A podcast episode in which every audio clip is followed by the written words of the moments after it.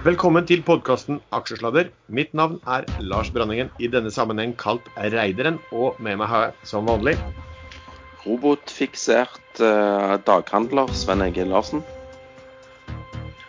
Og den ultrakortsiktige jalla-kongen Erlend Henriksen. Og den ultrakortsiktige kan kanskje ta den eh, vår famøse disclaimer. Ikke hør på det vi sier, vi er totalt uansvarlige. Bra. Vi ringer råd dersom du hører på hva vi sier her om markedet, aksjer, enkeltaksjer og livet for øvrig, er ansvaret helt holdent ditt eget. Det kan forekomme feil i det vi sier i programmet. Panelet og panelets gjester kan være lang, kort, direkte eller indirekte eksponert i aksjer, selskaper og produkter som omtales. Ok, mine herrer. Nå er det jo eh, ja, Sist uh, uke så tok vi oss en, en uh, liten, etter vårt eget syn velfortjent pause, men vi er tilbake igjen nå. kan du bare se på hva OBX-en sånn har gått siden sist gang. den lå da på Avslutta vel den forrige gang vi hadde sending på 9,65, og nå er den på 9,61. Så den har ligget flatt i altså OBX-en, totalmarkedet i hvert fall i, i, i Norge. Men uh, hva, har, eh, hva, har, du gjort i, eh, i, de to ukene som har gått, Sven? Jo, jeg har vært med i et par emisjoner, bl.a. i Petrolia Noco. Men den var kun for spesielt inviterte, eller de som eide aksjer fra før.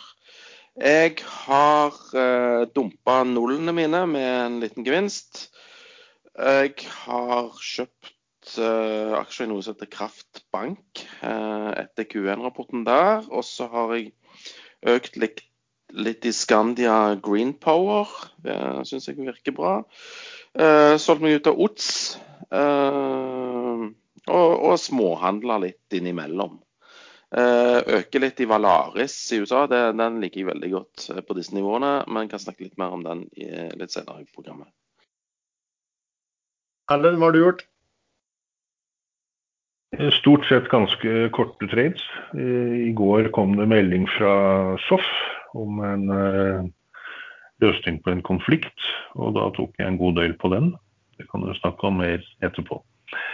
Ellers så har jeg stort sett redusert. Prøver å ligge litt mer i cash nå. Jeg liker ikke makrobildet. Det skjer for mye rart ute i verden. Ok, ja. Eh, for min del så har det vært litt rydding her og der. Altså noen eh, som eh, Av og til så kan du jo tro på det, og så kan du ligge i minus. Og så kan du finne ut at det er kanskje bare bra å kommes ut av den. Og det har vært litt sånn småposter her og der. Jeg er ute av den faktisk DVD-en, Deep Value Driller. Jeg orka ikke å se på den. Den lå i minus, da var jeg lei den. Og jeg vil vel kanskje heller begynne å se på noen andre rigg-selskap i, i så fall. Panoro hadde også, det var også noen kortsiktig igjen, og den gikk ikke rett vei, så da var det ut med den. Jeg har vært inn og ut av Avanse Gass. Jeg har kjøpt litt eh, Goodtech rundt 10 blank. De lå jo på 12, og så kom de med eh, kvartalstall eh, eh, som ikke var noe sånn De var jo ikke gode siden den falt. Kanskje folk hadde forventet litt mer eh, informasjon om hva det skulle framover, men så det var en del kast i kortene. Så da kjøpte jeg meg opp der rundt, ja, rundt 10-1, tenker jeg. Og så har jeg også kjøpt litt eh, Solstad eh, offshore.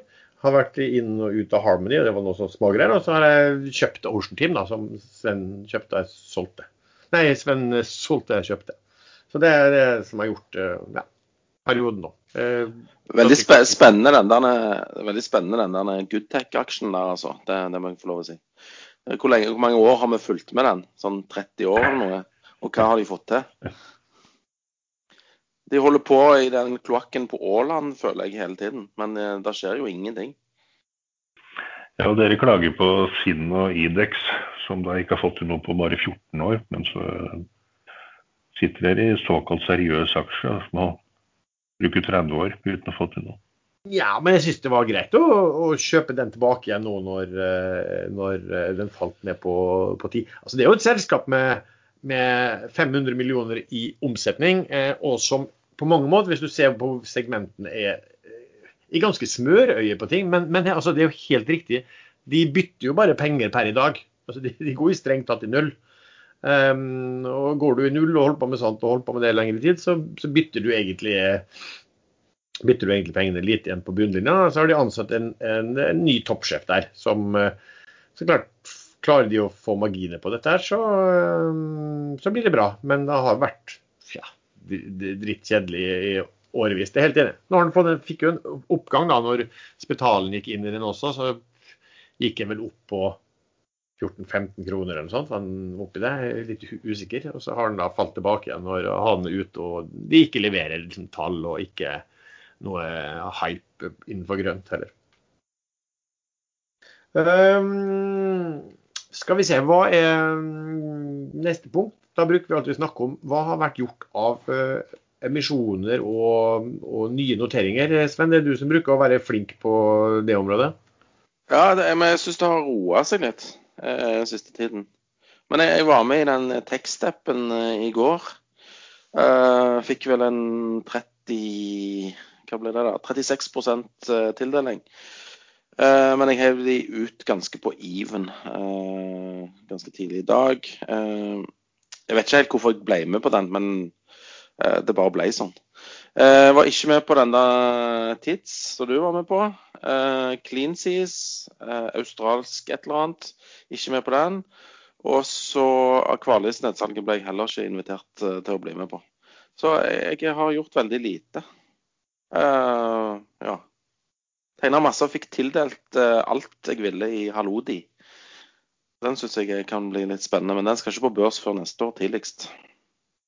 Ja. Hvorfor ble du ikke invitert, Sven, i Aqualis? Er du ikke uh, Nei, jeg tror jeg Jeg, jeg vet ikke.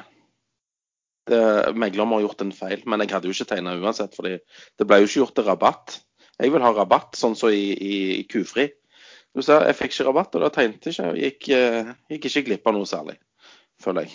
Men du, Aqualis er jo litt eh, eh, Da har jeg jo en del aksjer i Aqualis. Og den jo faktisk gikk jo fra åtte til over ni kroner i, på ikke mange, veldig mange dagene eh, før dette ble gjort. Så kom de med, med kvartalstall som jo var klart anstendige. Um, og så gjorde de dette nedsalget, da, som det har vært en del av frykta på. En del har ikke vært i aksjen også fordi at de har ventet på at det skulle komme dette nedsalget fra Bramer, som de vel heter, eh, der de solgte seg ut. Eh, men de klarte faktisk å plassere den posten altså omtrent uten rabatt i det hele tatt. Det som var litt rart, var at vanlig ofte når du ser den type nedsalgsvenser, det jo sånn at de ofte melder det over børs at de har en bookbuilding og hva som helst. Her var det vel helt stille jeg var også aksjonær, og du, det var meglere som du kjenner godt også, som gjorde dette her. Eh, man hørte ingenting om det før det bare ble meldt eh, senere, på kvelden eller, dag, eller på morgenen dagen etterpå, at det var, at det var gjort det nedsalget til omtrent null, null, rabatt. Ja, mot de gode kundene, sikkert. Jeg tipper jeg er en dårlig kunde i det meglerhuset. Men, men. Ja, sånn er det. Noen ganger. Ja. Men det blir sikkert interessant, det kan bli interessant å se da på aksjonærlisten om på mandag, tirsdag eller et eller annet sånt. Da dukker det jo opp hvem som har um, kjøpt disse aksjene. Um, så det blir jo interessant å se da, hvordan den aksjonærstrukturen da har blitt i hvert fall til en viss grad uh, endret. Uh, TITS gikk jo, altså Norsk Titanium, jeg tror jeg fikk 10% tildeling. så Det var jo egentlig bare bra, for den, den var på 10 88. Um, og den ligger vel, den, falt litt tilbake uh, ganske raskt. Skal vi se hva den ligger på nå. Den ligger på 10-5-10-7, så den har falt noen få prosenter tilbake. Uh, litt av en tikker de har skaffet seg. Den kan aldri bli dobbeltnotert i USA, i hvert fall.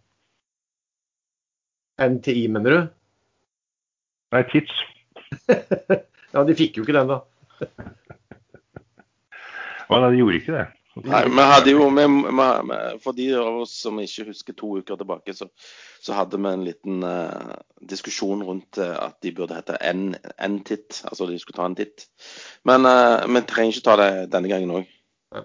Um, så nevnte du Sven også Clean Seas Seafood som et amerikansk sånn oppdrettsselskap. Som, ja, men hvorfor gjorde de emisjonen i australske dollar, da? Altså, De, de har sin primærnotering i Australia. Eh, så jeg antar at det kanskje var derfor, da. At uh, altså, hvis du, du, du, må jo faktisk du må jo faktisk betale i australske dollar hvis det, aksjen er eh, i dollar i, i regnskapet deres. Det kunne jo gjerne, like gjerne stått norske kroner da, i, i selve børsmeldingen, for å si det sånn. For de satser jo på at det skal bli litt sånn mer oppmerksomhet rundt eh, selskapet der. De har vel en konkurrent som heter Kingfish. Eh, men den ble gjort på De henta hvert fall penger på 368. Og nå ligger kursen på 3,3 til 3,7. Eh, så i hvert fall ikke noe oppgang da, siden eh, den emisjonen der ble gjort. Eh, men så har vi en annen da, som, som har vært liksom, mye oppstuss, og som vi har snakket om også, som plutselig meldte at ei, nå fikk de faktisk lov til å gå på Euronext Growth. Og det var jo Harmony Chain, Erlend. Ja, jeg har jo for så vidt fulgt med på det i mange år etter at de Ele og Harmony Chain prøvde seg på et samarbeid i 2017. Men det forsvant ut i ingenting. Og også det, samme, det som Harm Chain drev med da, som var iron Ore tokens, eller krypto. Eh, man kunne kjøpe og selge kryptoandeler i noe fremtidig produksjon. Eh, det rant også helt ut i sanden. Men nå er det tilbake igjen med med kryptomining. Eh, I begynnelsen er det den type mining som man kan lage lightcoin og dutchcoin, eller hva det nå heter. Dutchcoin. Eh, og de jobber nå med noe bitcoin-løsning på mining, og også hydromining, tror jeg de kalte det.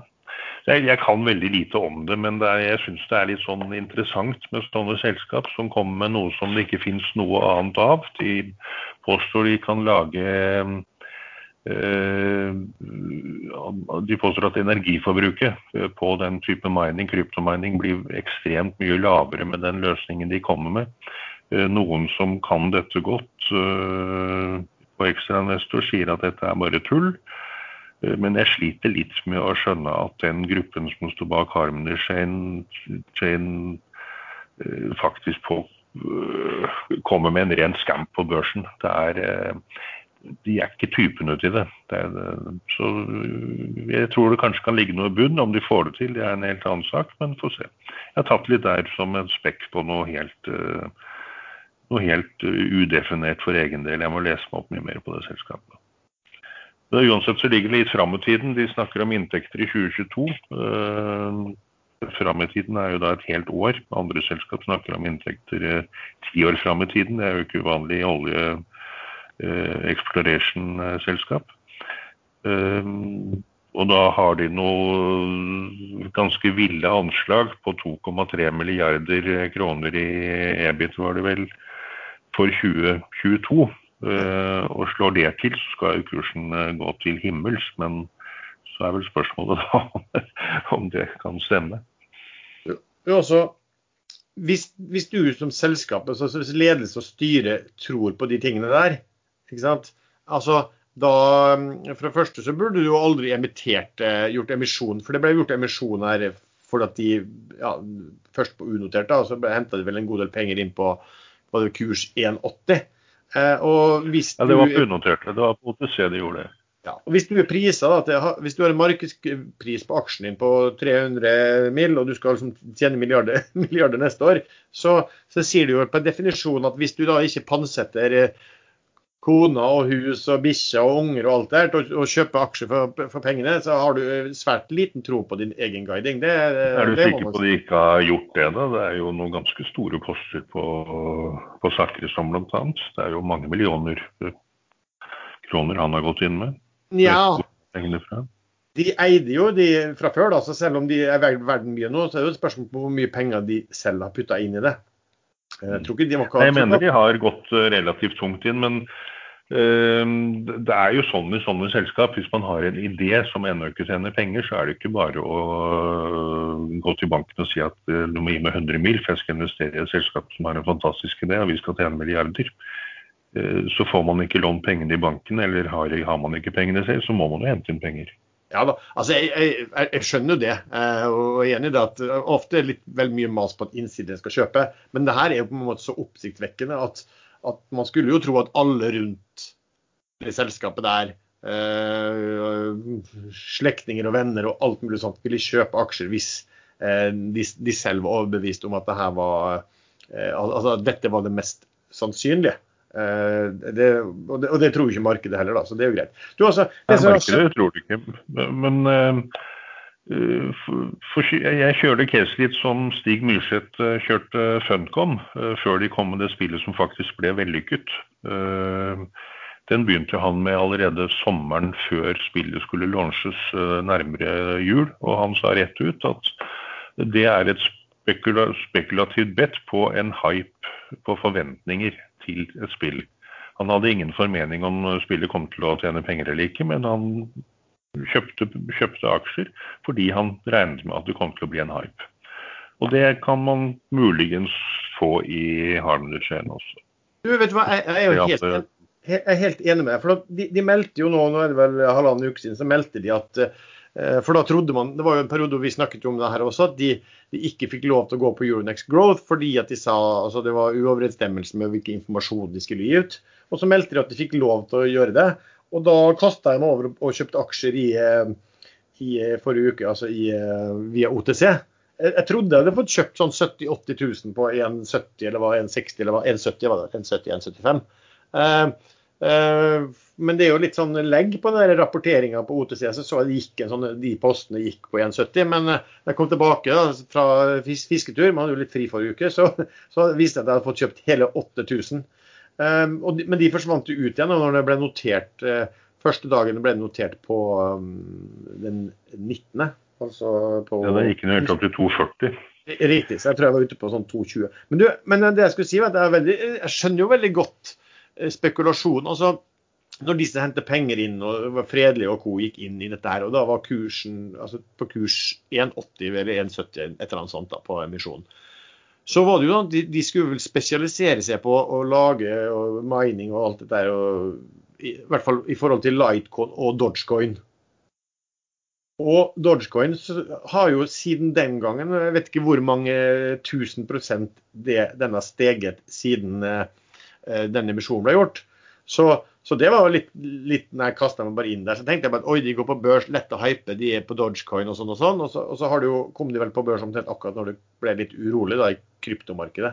Ja, det var akkurat samme dag. Ja, kryptomarkedet falt jo 50% sånn i snitt. Selv, selv bitcoin falt jo nesten 50% den dagen. 40 i hvert fall. Så akkurat noteringsdagen var de ikke helt heldige med, men eh, de har kjørt en emisjon på 1,80. Eh, kursen har vært oppe på 2,50 på OTC etter det. Eh, den har vært oppe på 2,40 på på growth, Euronex, det klarer ikke jeg på fransk, growth. Men den har også vært nede i rundt 1,60, hvis ikke enda lavere. Nå ligger den på um, 1,70 akkurat nå. Så jeg økte litt. Mm. Men Ellen, du må bare putte inn noe øer hvis du skal gjøre det fransk. Euronix grøt. Altså til å si grøt, det klarer du å si. Ja, Så må man knipe igjen nesen og snakke litt høyt opp i halsen. Ja, du må, du må ta det litt sånn i fremre part av, eh, av munnen. Men jeg tror kanskje dette er lettere for dere fra Vestlandet. Det er noe med er, vi klarer å skarre litt på de r-ene, kanskje. Det også, ja. Vi, har, vi er litt handikappet, vi fra Oslo-området, på, på språk. No, no shit. Men du, vi har, da kan jo få en liten overgang da, fra å snakke om um, Harmony Chain som, som, spennende spekulasjon, til uh, krypto. Uh, for der har det virkelig uh, svingt i, i, markedet. Erlend, du følger jo litt med da, på krypto. Hva, hva, er det som har skjedd uh, den siste uken i det markedet? Sånn I mitt hode så har det ikke skjedd noe annet enn det som pleier å skje. Uh, India har rymtes frampå, og de har vel kanskje allerede gjort det. Forbudt trading i all krypto. Uh, trussel om bøter og eventuelle fengsel. Det er vel foreløpig bare et lovforslag. Uh, men så kom Kina og gjorde noe tilsvarende. Forbød alle banker og finansinstitusjoner å kjøre transaksjoner rundt kryptotrading. Dvs. Si at man da ikke fikk satt penger inn på kontoer eller fikk penger ut. Men det er jo ikke første gang de gjør det. Det var det du sa, Sven. De har gjort det i 2013 og 2017 også. Ja, Eh, meg bekjent. Jeg er ikke noen ekspert på dette. her. Jeg bare så at de som hadde greie på det, mente det var old news. Og kunne en Ja, det er det. Er det. Eh, Så de kommer, det kommer sånn innimellom, og så blir det borte igjen. Men eh, jeg vet ingenting om krypto alle typer før eller siden blir totalforbudt i alle land, eller om eh, dette blir akseptert og godkjent på en eller annen måte og kan brukes til ting. Det har vært, vært litt Ja. Det har vært litt murring i USA de siste, siste dagene om at eh, det er veldig lett å unndra seg skatt ved å bruke eh, krypto. Sånn at det kan virke som det, det, det brygger på litt er regulering. Ja, Ja, men det er, det er jo egentlig ikke riktig. For uh, hele blokkjenteknologien er jo bygget på at alle transaksjoner skal kunne spores. ja, men du klarer ikke å identifisere hvem som sitter med kryptoen. Så hvis eh, alle eh, markedene hvor man kan kjøpe og selge krypto blir kontrollert, så vil man kunne det, vil jeg tro. Da blir det som vanlig bank banktransaksjon. Men da blir det jo fort veldig kjedelig. Ja, men jeg, har ikke jeg, tror ikke det stemmer at øh, krypto hovedsakelig brukes i, til svarte penger og bestikkelser og kriminell handel. Det er en liten del av hele omsetningen. Men kan vi da si at eh, krypto brukes strengt tatt ikke til, nesten ikke til noen ting i det hele tatt akkurat nå? Det er jo fair å si. Jeg, så en sånn eh, artikkel han skrev han der Paul Krugman, som jo er kjent økonom i USA, men som er veldig skeptisk. Han er alltid superskeptisk til dette her. Um, eh, men han skrev hadde jo noen sånne poeng. da, som han skrev liksom at Man har jo snakket om dette her for ti år siden, og man har jo egentlig ikke kommet noe nærmere i å eh, få gjort det til noe spesielt bruk innenfor eh, transaksjoner, som man snakket om i starten, foruten om mente foruten om kriminelle. Eh, og så sa han vel også at, eh, at han mente vel også da at eh, det andre argumentet var da at når man ikke kunne klart å bruke det til transaksjoner, så eh, skulle det være en store of value. og Han mente jo da at noe som kunne falle 30% på dagen var en dårlig store of value. Men, men, men er det litt sånn det, det, er vel, det er vel spekulasjonsobjekter da, som er utrolig interessant, selvfølgelig. Ja, det er jo sånn kjøper du gull, så er ikke det akkurat heller noe du bruker i transaksjoner. Det er jo store of value. Men den varierer kanskje ikke så mye som eh, de krypto. Nei, man får jo fort, hvis man kjøper seg en kaffekopp øh, med krypto, så får man jo fort kaffen i halsen. Da. En del andre veien. Fulgte dere med på hvor mye, hvor mye falt det egentlig bitcoin og ethereum på, på det meste det, den dagen? Der har man jo det litt rare med, med krypto, at det er forskjellige øh, handelsplattformer. Og på den ene plattformen så mener jeg Ethereum falt ned, helt ned til 1500 dollar. Eh, den kommer fra over 3000 dollar, så den halverte seg. Men mens andre plattformer stoppet den på rundt 2000. Ja, og bitcoin falt vel også, var vel også ned nesten sånn er det, 25% eller et eller annet på en dag? Den var nede i 30 000 dollar i hvert fall. Den, jo, den kom jo den kom jo ikke fra toppnoteringen på Den er vel på over 60 000 dollar nå. Eh, Men fra toppen så har den da halvert seg. Før den steg opp igjen. Nå ligger den på rundt 40, hvis jeg ikke er helt, helt bak, bakkjørt. Jeg sjekket for et par timer siden, men det, det nytter jo ikke i krypto. Da må man sjekke nå. Nå er den på 40 150 dollar. Ja. Så de er jo da opp en tredjedel eh, fra fallet. eh, Så det går fort. Det svinger fort i krypto. Det gjør det. Veldig fort faktisk også. Ehm, Så, og da, ja. Men jeg så jo noen som har vært i det markedet der, og som sa at det her er liksom altså, Bitcoin og de andre de, de har stadig vekk sånne, eh, sånne krasjlignende dager. Eh, og de hadde mente at dette hadde de sett gjentatte ganger gjentatte ganger de, over en god del år, at dette skjedde, og så kom det tilbake igjen. Så det er jo utrolig, altså utrolig uh, spekulasjonsinteresse da, for å, å trade i, i kryptovaluta. Det er det ikke noe tvil om for tiden. Ikke? Det, sånn helt basic så er det man kaller det hvaler, whales, i krypto, som har veldig, veldig mye. Eh, som tidlig så eller følte og tenkte at dette kommer til å ta helt av. Og kjøpte da ganske store mengder. Eh, så hvis man gikk inn med 1 million eh, dollar i bitcoin på 0,5 cent, var vel, var vel den laveste prisen, så, så er det klart at da kontrollerer man mye av markedet. Mm. Men posten til han, han som lagde det, den, den anonyme, sant, eh, legendariske hva heter han, Satoshi Nakamoto, vet han det? Satoshi? Den, ja, noe. Ja, den, den første liksom, blokken, store blokken som ble minet der, den har vel, den har vel fortsatt altså, Den har vel aldri blitt rørt? Nei, og det er, det er, et par som har blitt påstått at de er den personen, og det er andre som selv har sagt at de er det. Men ingen har klart å komme med det endelige beviset uh, som de kan enkelt gjøre ved å selge én bitcoin fra den bolken uh, for å bevise at det er de som eier den. Nei. Så det er faktisk ingen som vet hvem som står bak bitcoin. Ja, jeg vil jo tro at den som står bak det, hvis han avslører seg sjøl, så vil jeg tro at han får en, en ikke ubetydelig formuesskatt og straffeskatt fra ti år tilbake. For det må jo ja, være... Plutselig litt sånn eh, risiko for kidnapping av familiemedlemmer og litt sånne småting. Ja, ja, men det må jo, være en av, eh, må jo bli en av verdens rikeste eh, personer i så fall også, som ikke har betalt, ikke har betalt skatt på, på årevis i, i så fall. Men, eh, så vi får vel se. Du, ehm, skal vi se, jeg kan gå over til et litt annet tema. Ehm, noe, noe, en, annen, en, annen, smell, for å si det sånn. Altså, det er jo dette her med oljen da, og dette, de, de, klimamålsettingene om at man skal unngå at det stiger med mer enn to grader fram til 2050. Uh, og nå har IEA vært ute med en rapport Eh, som sier eh, hva som må til eh, hvis man skal nå det i forhold til olje. Og Woodmac og også konsulentselskaper har kommentert det samme. Noen av dere som, som, fikk sett på den, Sven, fikk du sett på den rapporten, eller hva innholdet var? Nei, jeg leser kun aktuelle rapporter. Nei, nei da. jeg, jeg, fikk med meg overskriften. Fins de ennå? Jeg har ikke peiling. Uh, nei, uh, hvor var vi henne? Jo, jeg leste overskriftene og uh, syns jo det var Det var jo ganske spennende lesing, da. Litt bearish for olje og, og seismikk, for å si det sånn.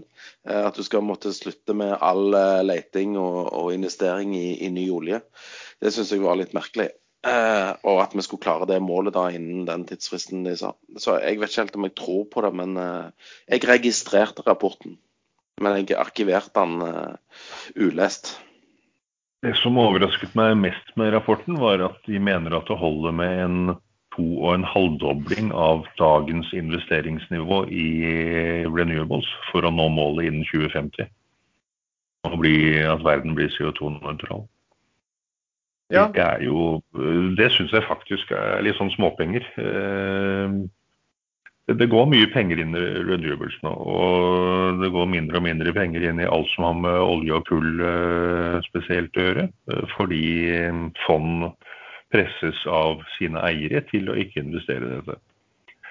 Så markedet har fått mye makt, og i fjor så var vel økningen i renewables worldwide på rundt 40% og det er ganske ekstremt. Og det var vel IEA som i november kom med en prognose på veksten i i renewables, og den måtte de allerede nå øh, korrigere opp med 25% Det har jo vært trenden hele tiden fra de begynte med prognoser på renewable vekst, at, at de alltid ligger bak det som egentlig skjer. Jeg også enig med, Erlend. Jeg stussa også på det at jeg tenkte at de, de, den veksten i investeringer ikke var så veldig mye. Jeg husker ikke hva det var fra to trillion, billioner dollar til fem billioner, eller et, et eller annet tall, noe sånt. da. Det er ikke sant? Det er litt sånn småpenger i store investeringsspill. Så, ja. ja. Um, Woodmac var jo ute og kommenterte. altså Det er et konsulentselskap som ser på dette. her, og De um, prøvde vel å anslå en slags uh, um, differansen da, på, på hva, hva, verdien av, uh, verdi, verdien av verdens altså, oljefelt da, De som da var i produksjon og sannsynligvis også beslutta utbygd. Og, og, de hadde en veldig stor range på den. og det var jo, jeg tror det var fra sånn fra 9 billioner, 9 billioner dollar til 23 billioner dollar var liksom rangen da før skatt eh, på dette. her, og det var jo da, Differansen gikk jo da på um, hvilke tiltak de gjorde, om, om de gikk for det her eh, togradersmål og hva IEA sa at de da måtte gjøre. Uh, men det, det Woodmack skrev, at uansett skrev de, så kom det til å bli press på uh, oljeselskapene framover på å være altså, mer effektive uh, bedre utbygging, lavere kostnader og alt det. Å, det kom til å fortsette uansett. Men, men hvis, hvis, politikerne da bestemmer seg for å gjøre hva IEA sier, hva, hva, hva vil det gjøre for, uh, for oljeselskapene? Altså, hva, vil det være sånn supernegativt hvis de ikke kan uh, lete eller lete nye? Altså, er det ikke sånn plutselig at de kan begynne å melke noe veldig overskudd på kanskje høye oljepri, oljepriser. Hva, hva, tenker du om det, Sven? Uh, jeg vet ikke, altså. Jeg, jeg syns den rapporten var litt sånn litt rar. Så jeg, jeg, har ikke tenkt så veldig mye over det. Jeg har egentlig bare ignorert den. Ja, for Woodmack, ja, snakka om at eh, da, hvis de gjorde det her, så ville prisene begynne å falle. da, Oljeprisene ville falle ganske mye i dette tiåret og ned mot 30 eh, dollar. Eh, men de, skal, de, de, de, sier jo ikke at det skal fortsatt være etterspørsel etter olje. Og hvis det plutselig blir mye mindre tilbud på det også, så er det liksom ja, jeg så den overskriften, og ja, nå avbrøt jeg det når du egentlig sa akkurat det jeg tenkte. Uh, hvis man ikke skal lete etter mer olje, så vil det jo bli mye større etterspørsel etter det man har.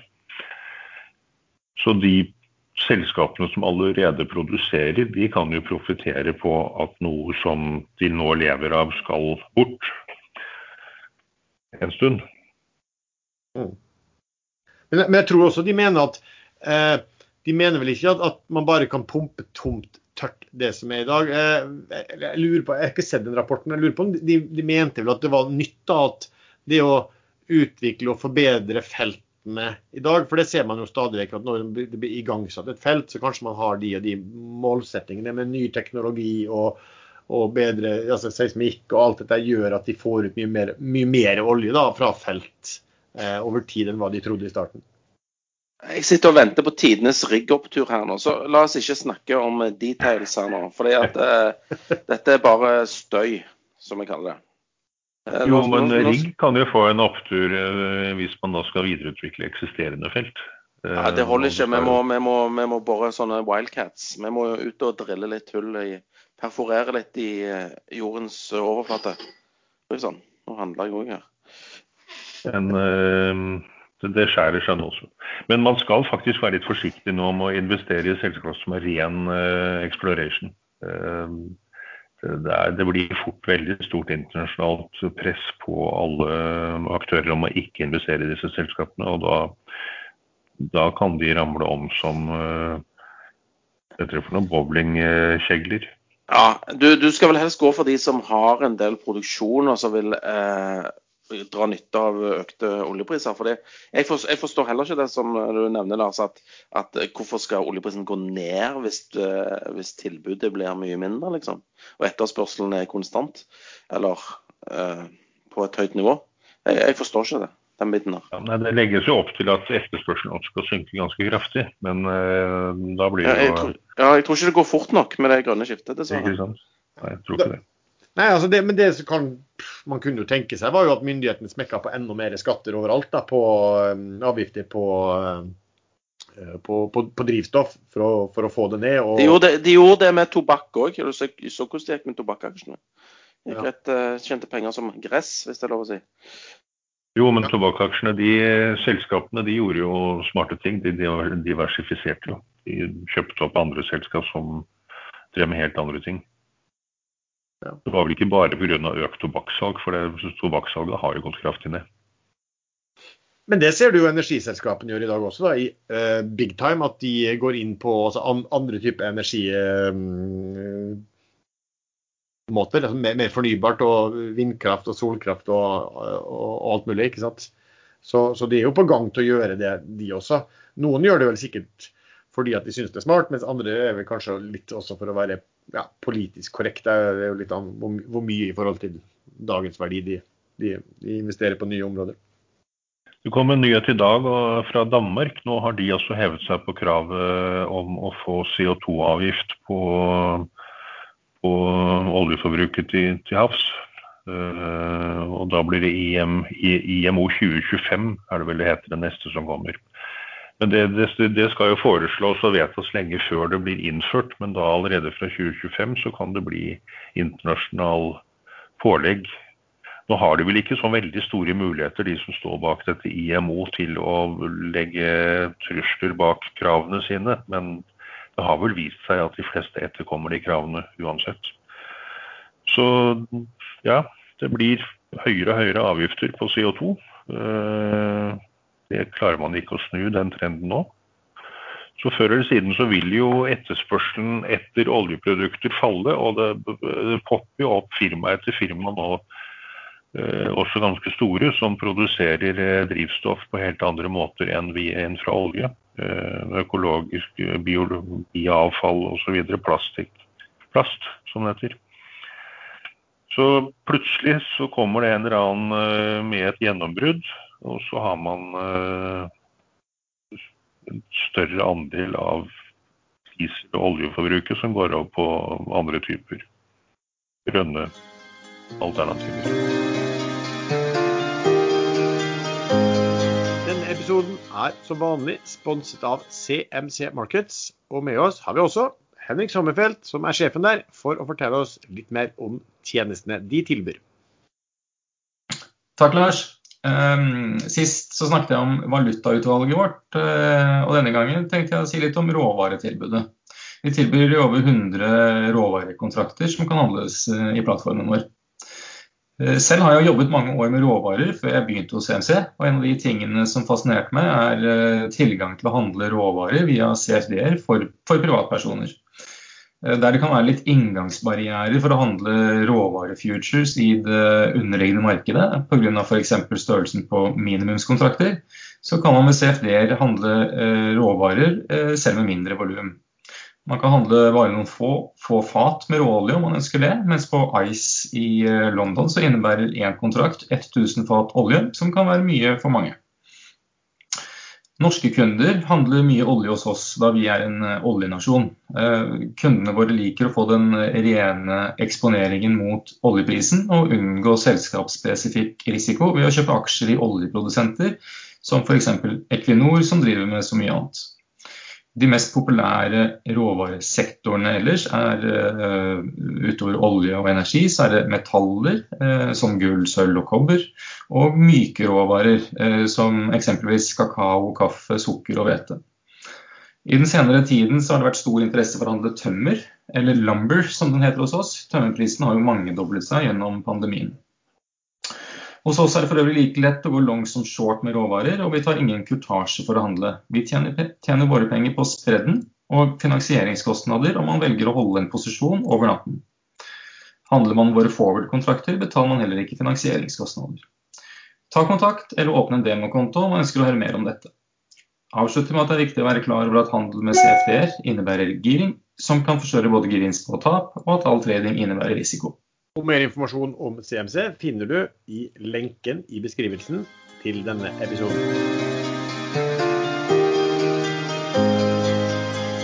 Grønt har vi jo snakket før om, men det er jo sånn nå, det som har skjedd er jo at eh, det var en vanvittig oppgang i de grønne i fjor. og, og emisjon, altså de, Når det var emisjoner i, i, grønne, de gikk jo gjerne opp flere ganger på, på, på dagen omtrent.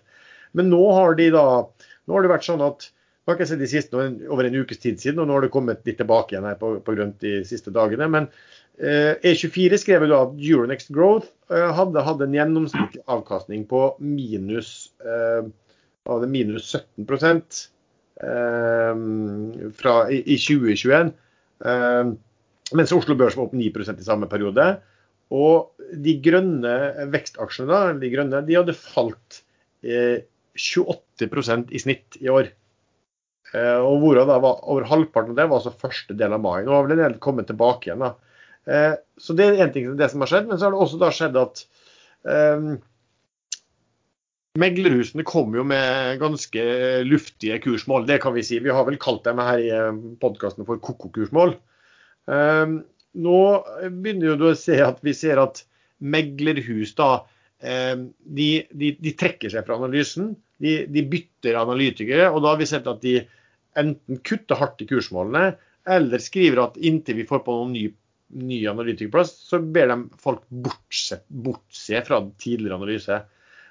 Men hva, hva, tenker du om et meglerhus som ber eh, kundene bortse fra tidligere analyse fordi at de bytter ansatte? Det er helt fair. Det er veldig menneskelig å, å, å gjøre en feil. Så eh, det, det, tror jeg vi vil se litt i tiden framover òg. At eh, analytikere hos de fleste meglerhus som har eh, stått bak eh, disse børsnoteringene, har, har, tatt feil, rett og slett. Og de innrømmer det, og det er helt fair. Det er helt menneskelig. Men eh, jeg skulle bare si det, det er blitt så grønt nå at til og med HamKam leder Obos-ligaen. Så grønt er det blitt. Oi, nå solgte jeg enda mer her. Ja, men De er jo kjempegrønne, disse, disse HamKam nå. Men, altså, men når det gjelder analytikere Dere er blitt så seriøse i dag. Ja, vi har det. Det er nesten kjedelig å være med på dette. Jeg er litt uh, irritert på HamKam, for de har nå to ganger medført at jeg ikke har fått mer enn ti rette på tippekongen. Har du tippa mot det, kaller... det grønne laget? Jo, men det var, det er, de har bare spilt to kamper, da. Så HamKam er jo sånn lag som hver gang jeg spiller på dem, så taper de. Ja, Men har ikke de fått ny trener, da? Enn Rekdal? Det, det visste jeg ikke. Jo, ikke til Rekdal, vel? Som trener der, da? Du har vel spilt fotball med han du, Lars, skjønner jeg det greit? Stemmer det. Ja. Det er helt eh, vilt å tenke på at du uh, faktisk var veldig god i fotball, eller? Det vet du ikke. Det vet Nei, det er sant. ja, du var sånn slugger, var det ikke det? Sånn jeg har sett et, sett et bilde òg fra et sånn svart-hvitt bilde fra gamle dager der du har på deg en sånn Molde-drakt. Så det, hvis det, ikke, det ser ikke ut som det er Photoshop. altså det, det, medfører vel riktighet at du har spilt på et høyt nivå. Ja, eh, var det. Hvordan kan, du, hvordan kan du vite at det var Molde-drakt når det var sort-hvitt-bilde? Nei, bare ut fra logoen og sånn. Og så sto det Molde-spilleren under bildet, liksom. Det, var, det, var, det, det, bildet var, var faktisk altså, Jeg brukte alltid å se sur ut på bilder, sa min mor. Hun var veldig lykkelig en gang, for at det var et bilde i avisen en gang hvor, hvor jeg smilte. Og hun var så fornøyd og smilte så godt. Det er jo ikke så at jeg skulle vise opp en finger før jeg jeg skåret et mål. Eh, og årsaken til at jeg smilte, var da at jeg viste opp den midtfingeren. så det var et stort bilde med jeg viste fingeren til fotografen og smilte godt. Så da, det, det fikk ikke hun med seg før, før jeg fortalte det ganske, ganske mange år senere. Du har vært gjennomført slem hele livet, du, Lars. Infam, ja. ja, det er bra. Det er en god egenskap hvis du skal tjene penger i aksjemarkedet. Nei, sånn, Sven er jo egentlig snill, men blir kalt uh, slemegger selv av sine barn. Og, men Lars går jo uh, Han sniker seg bare gjennom, han. Han er, er gjennomført slem. Ja. Og ingen vet det. Nei, men de, vet ikke om noe annet, ungene til Lars. Så det, det bare, de, tror, de, tror, det sånn, skal være sånn. ja. Det er normaliteten i huset, liksom. Sånn, du, men eh, Sven, jeg, det jeg skulle si om analytikere, det, det, er at jeg har også veldig sansen for at akkurat sånn som vi Vi kan også tenke her om, og vi snakket om aksjer vi som vi syns så bra ut. Eh, og så er det nye ting som skjer i markedet, nye informasjoner, som gjør at det plutselig ikke ser så bra ut. Eh, og det er jo en del av de tingene man må gjøre. Man må liksom eh, og da må man eh, tenke om. Så det, det, så det må være helt fair å Nei, men, det, ja, men eh, tenk nå litt, litt bredere, da. For alle er jo happy, da, bortsett fra de som sitter med aksjene når de nedgraderer. Men det er jo eh, ikke selskapet, og det er ikke de der cornerstone-investorene som var med på IPO-en og skjønte graps med penger, og, og profesjonelle investorer som òg var med og solgte ut eh, relativt tidlig. Alle de er happy, og det er jo viktig å, å beholde de happy, for eh, det er jo de som skal tegne i de neste emisjonene òg. Det er jo disse såkalte bagholder som da sliter. Men eh, så, så, eh, normalitet er oppnådd, føler jeg. Det er sånn det skal være.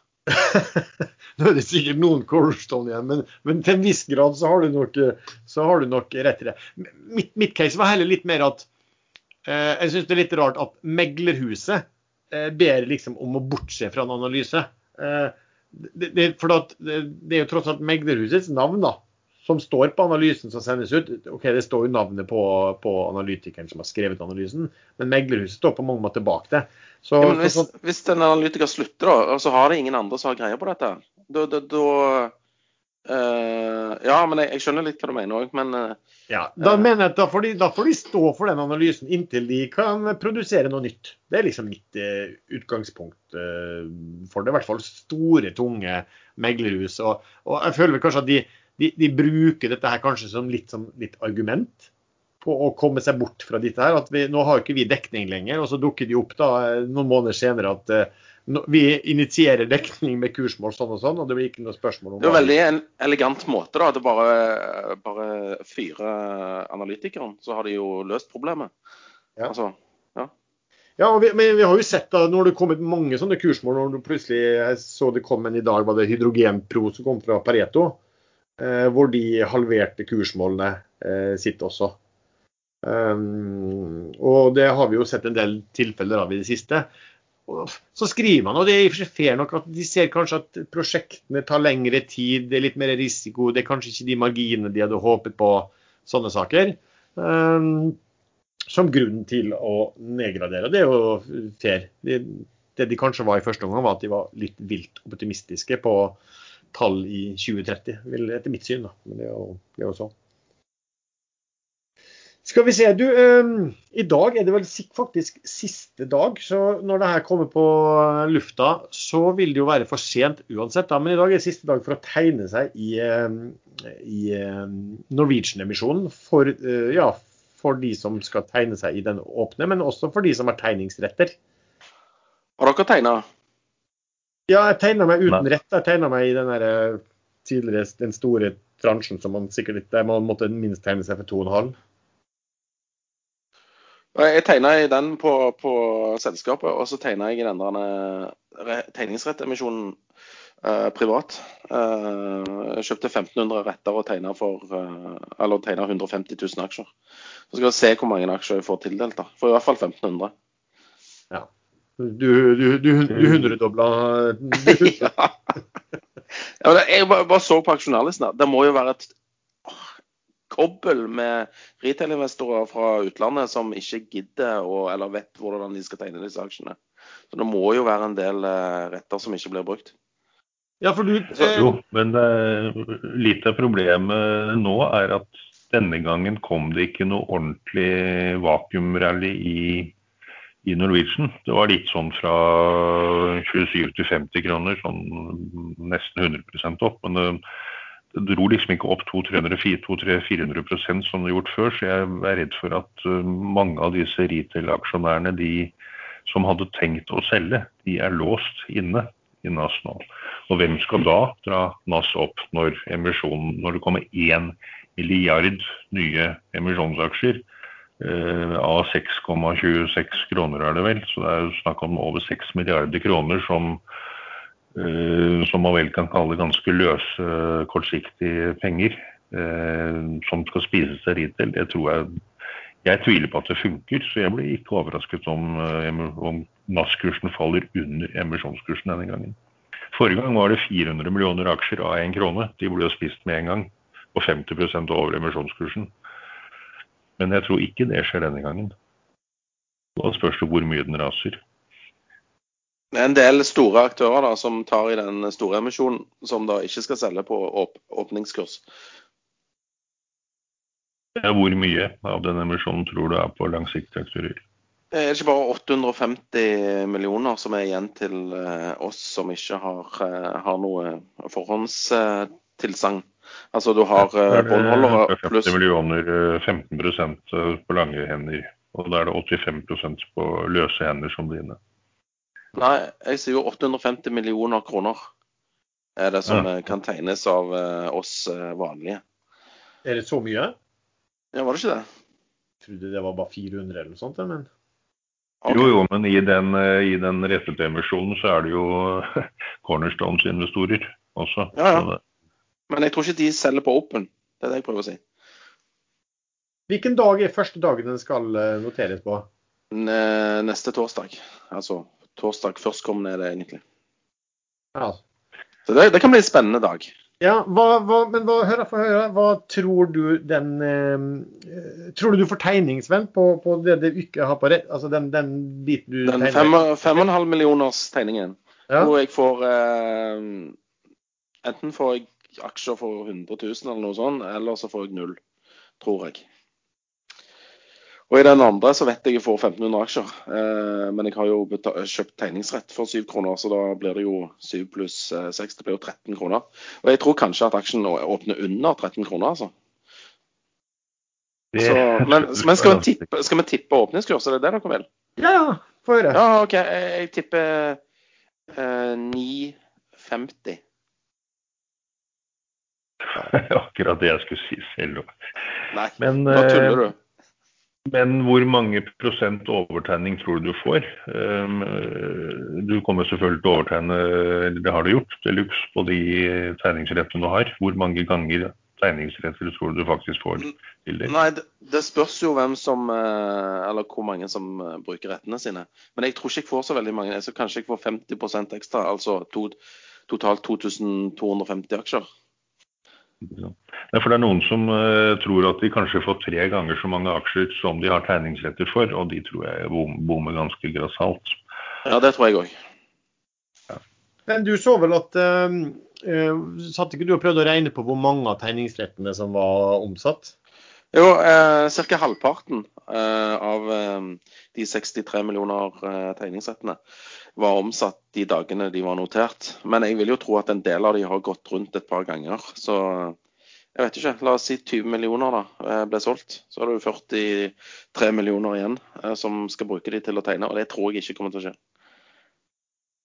Nei. At alle gjør det. Nei. Noe, det, det, det vil jo, sånn vil det alltid være. Noe vil bort. Og i hvert fall hvis det er en del sånne som ligger utenlandske, via utenlandske aktører, som, som det er veldig ganske mye av fortsatt i Norwegian. Men det var jo en god del interesse i disse tegningssettene, da, i og med at han eh, ikke gikk lavere enn ca. 6 kroner.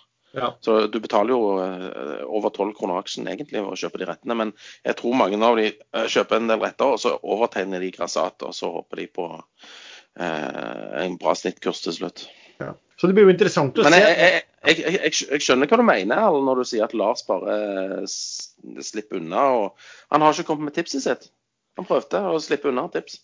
Nei, jeg synes jo egentlig, for å være litt ærlig, så syns jeg vel dere er mye flinkere på å tippe eh, kurser eh, på sånne, nivå, sånne ting som det der. Men eh, nei, jeg ville tippe at den jeg vil også tippe at den lå rundt sånn 50% opp i starten. Så jeg er veldig usikker på hva, hva man gjør, hva de som har vært med i private placement gjør, de store aktørene gjør. Og er veldig usikker på, på liksom hva alle den horden av retail-investorer eh, vil gjøre også. Altså ut, utover, utover dagen og de neste dagene. Men la oss si at eh, ja, tipper ni, da, kanskje. Og da, da kan man jo håpe på å få tildeling da, i, eh, i den der private placementen, men eh, som du Sven sier, så blir det sikkert Om man i hele tatt får, så blir man sikkert avkortet ganske betydelig. Var det gevinst eller tap som slo gjennom hos deg nå, Sven? Eh, det var faktisk gevinst. Bra, gratulerer med det. Jeg, Tusen takk. Jeg sitter og, sitter og ser på en, en, den ene aksjen min som går opp akkurat nå. Uh, som jeg tok på Open i dag.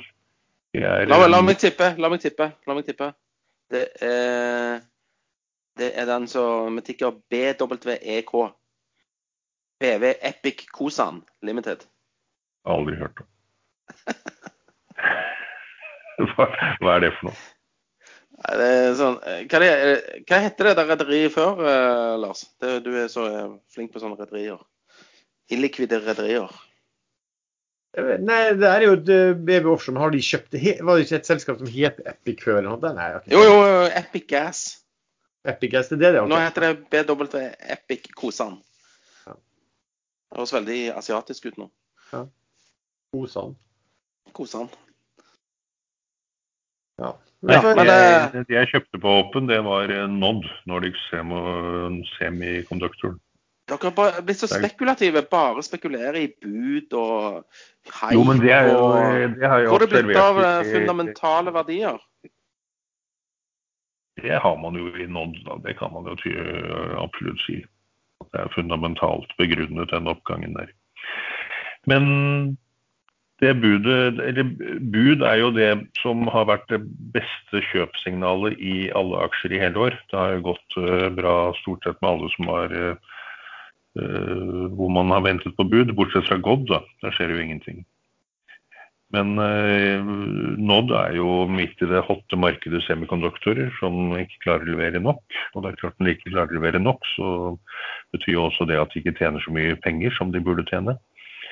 Men det vil jo løse seg. Og da det budet som uh, budryktene i en italiensk avis, uh, de var vel på 280. Og det ble tilbakevist av selskapet, men det må jo selskapet gjøre. De kan jo ikke innrømme at eh, jo, det stemmer at vi er i forhandlinger før de børsspiller det. Så jeg tror at den kommer til å stige jevnt og trutt framover på forventninger til at det kommer et bud, og at det kanskje blir en budkrykk over det. Og da kan den eh, sikkert gå både 50 og 60-70% herfra.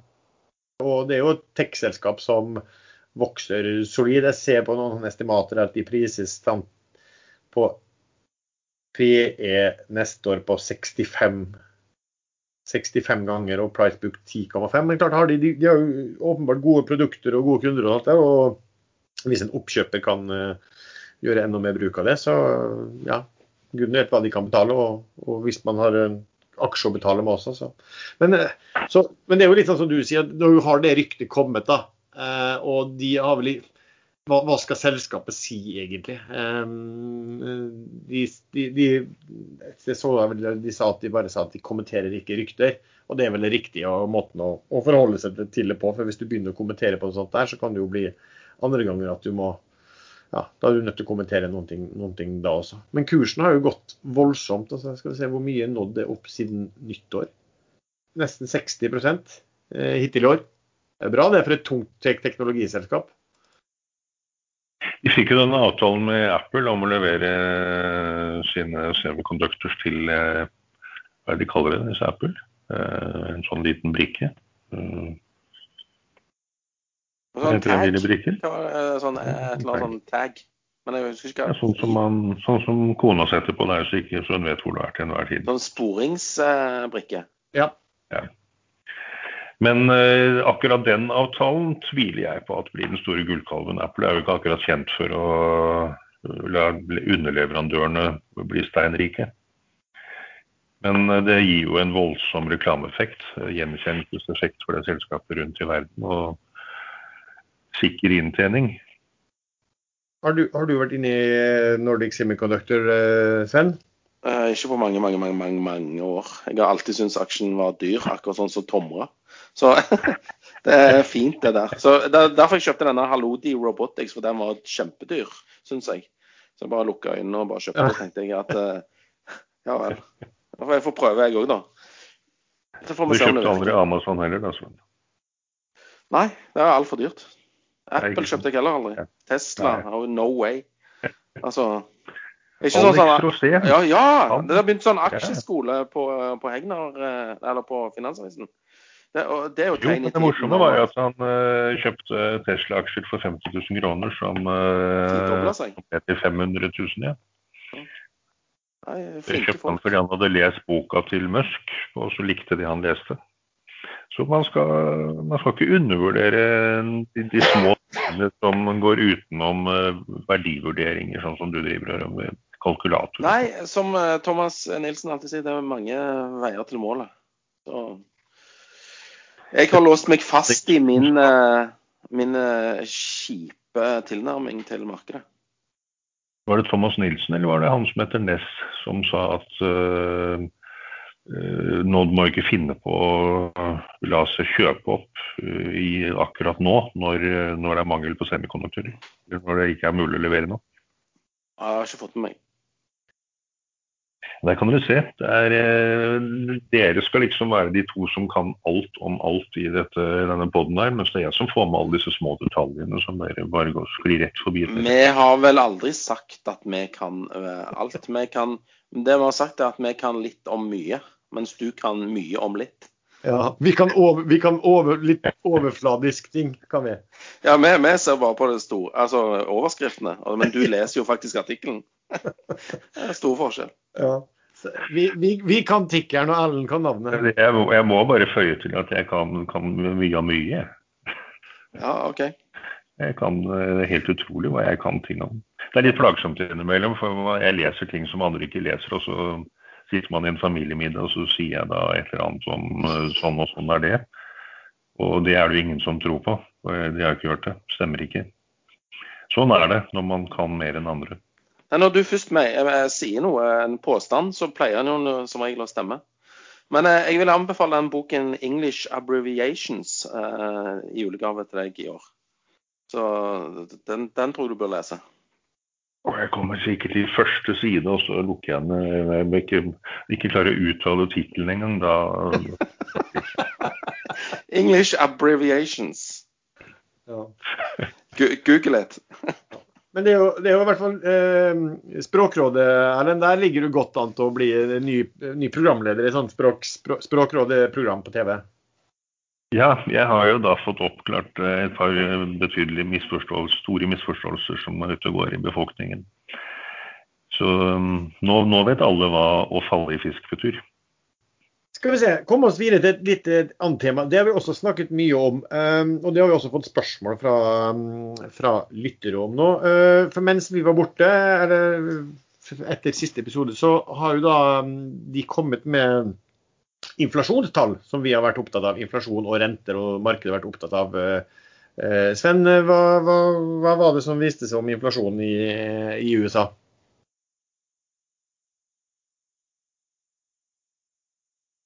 Da, da, da.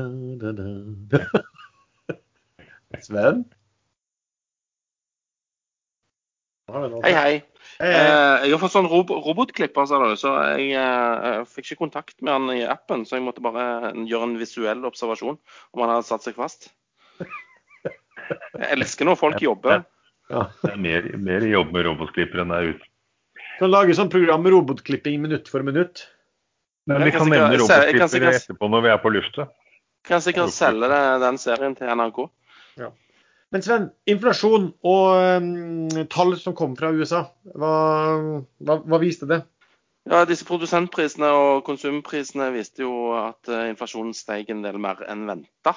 Og det var jo nesten venta, det òg. Og, og markedet hadde vel egentlig sånn whisper-tall uh, i bakhodet. at uh, det kom til å vise en del eh, inflasjon. Så markedet reagerte ikke noe særlig negativt på det. Eh, Nasdaq fikk seg en liten smell, men har jo henta seg greit eh, inn igjen. Har vel ned 4 totalt fra toppen. Men faen er det blitt av den der uh... Roboten? Forsvant ut på gata og borte ble den, liksom? Akkurat nå kjenner jeg at inflasjonen ikke var så interessant. Var mer hvor det blitt av den jævla klipperen.